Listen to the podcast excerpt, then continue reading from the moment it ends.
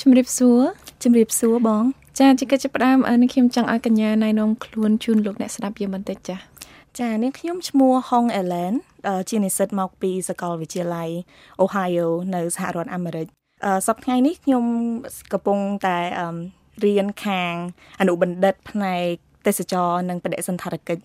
នេះខ្ញុំចង់ដឹងថាមូលហេតុអីបានជាកញ្ញាអេឡែនជ្រើសរើសមុខវិជ្ជានេះ ចាខ្ញុំជ្រើសរើសយកមុខវិជ្ជានេះដោយសារ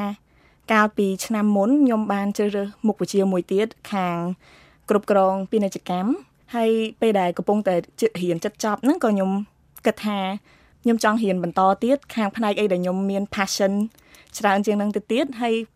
ទេសចរខ្ញុំតែងតែមានចំណាប់អារម្មណ៍ទៅលើវិស័យទេសចរតាំងពីក្មេងមកខ្ញុំខ្ញុំចូលចិត្តនិយាយមួយមនុស្សខ្ញុំចូលចិត្ត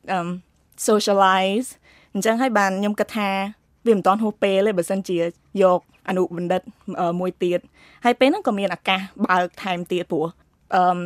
department របស់ខ្ញុំហ្នឹងគេកំពុងតែរកសិស្សបន្ថែមអញ្ចឹងហើយក៏ខ្ញុំសាក់លបងទៅក៏បានអាហារូបករណ៍ពេលហ្នឹងក៏ខ្ញុំចាប់ផ្ដើមសម្រាប់ចិត្តថាយកអនុបណ្ឌិតមួយទៀតតែម្ដងទៅ ចា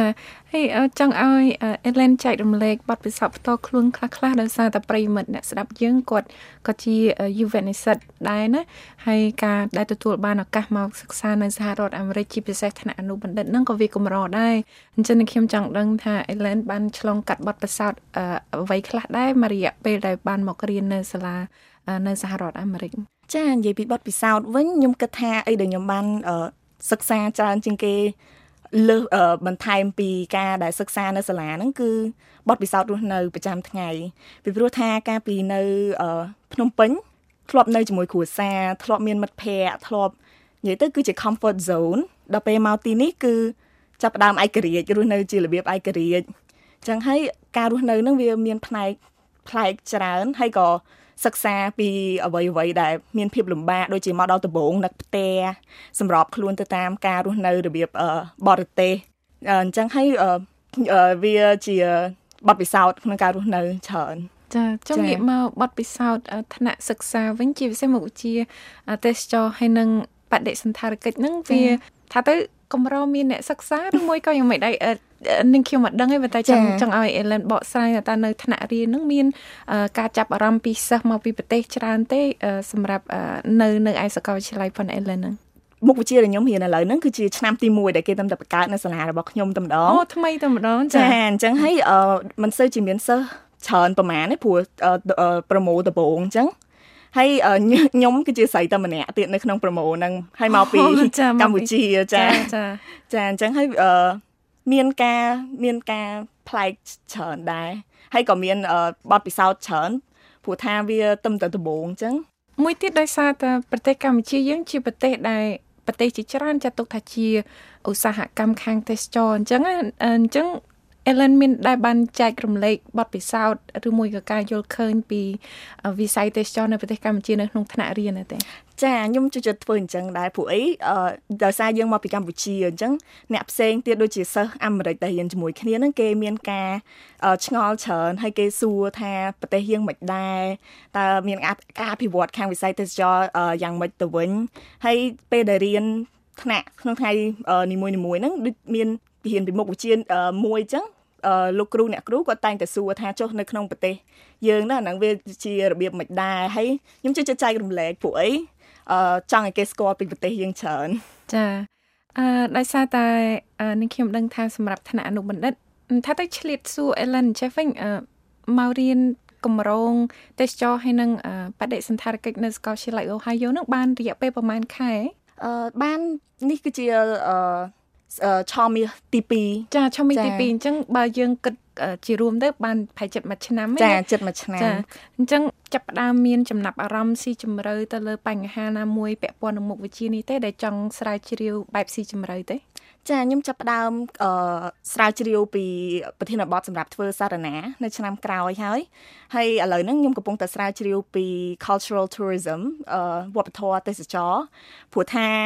នៅប្រទេសកម្ពុជាយើងមានកន្លែងទេសចរច្រើនហើយកន្លែងស្អាតស្អាតច្រើនណាប៉ុន្តែនៅពេលដែលនិយាយពីប្រទេសកម្ពុជាទៅជនបរទេសភាគច្រើនគេគិតទៅដល់រឿងផ្សេងដូចជាការអភិវឌ្ឍគេគិតដល់សង្គ្រាមប្រឡាយពូជសាសន៍ដែលយើងមានហ្នឹងហើយខ្ញុំគិតថា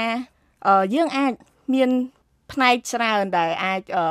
អភិវឌ្ឍដើម្បីឲ្យអាហ្នឹងគេហៅថា destination image បងហើយ destination image ហ្នឹង ជារូបភាពដែលភ្ញៀវទេសចរមាននៅពេលដែលនិយាយពី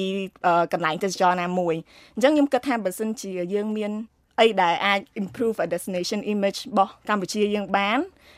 យើងអាចស្រាវជ្រាវអំពី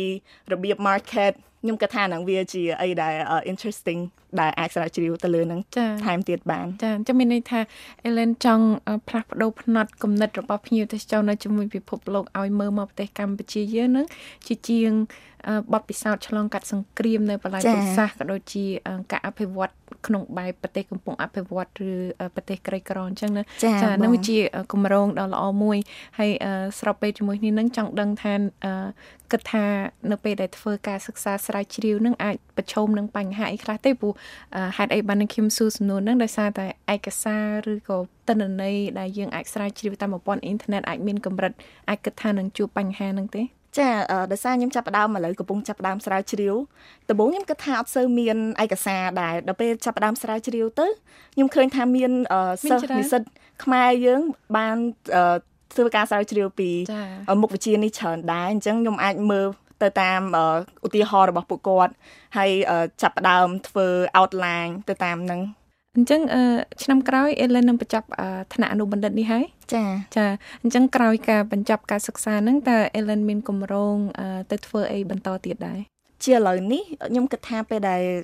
បញ្ចប់ការសិក្សាខ្ញុំចង់ធ្វើការសិនដើម្បីយកបទពិសោធន៍ជាពិសេសនៅពេលដែលរៀននៅក្នុងថ្នាក់ វាមានជាលក្ខណៈជាមេរៀនច្រើនប៉ុន្តែខ្ញុំចង់ចេញទៅប្រឡូកក្នុងវិស័យការងារដើម្បីទទួលយកបទពិសោធន៍ខាងនេះឲ្យច្រើនជាងនឹងបន្តិច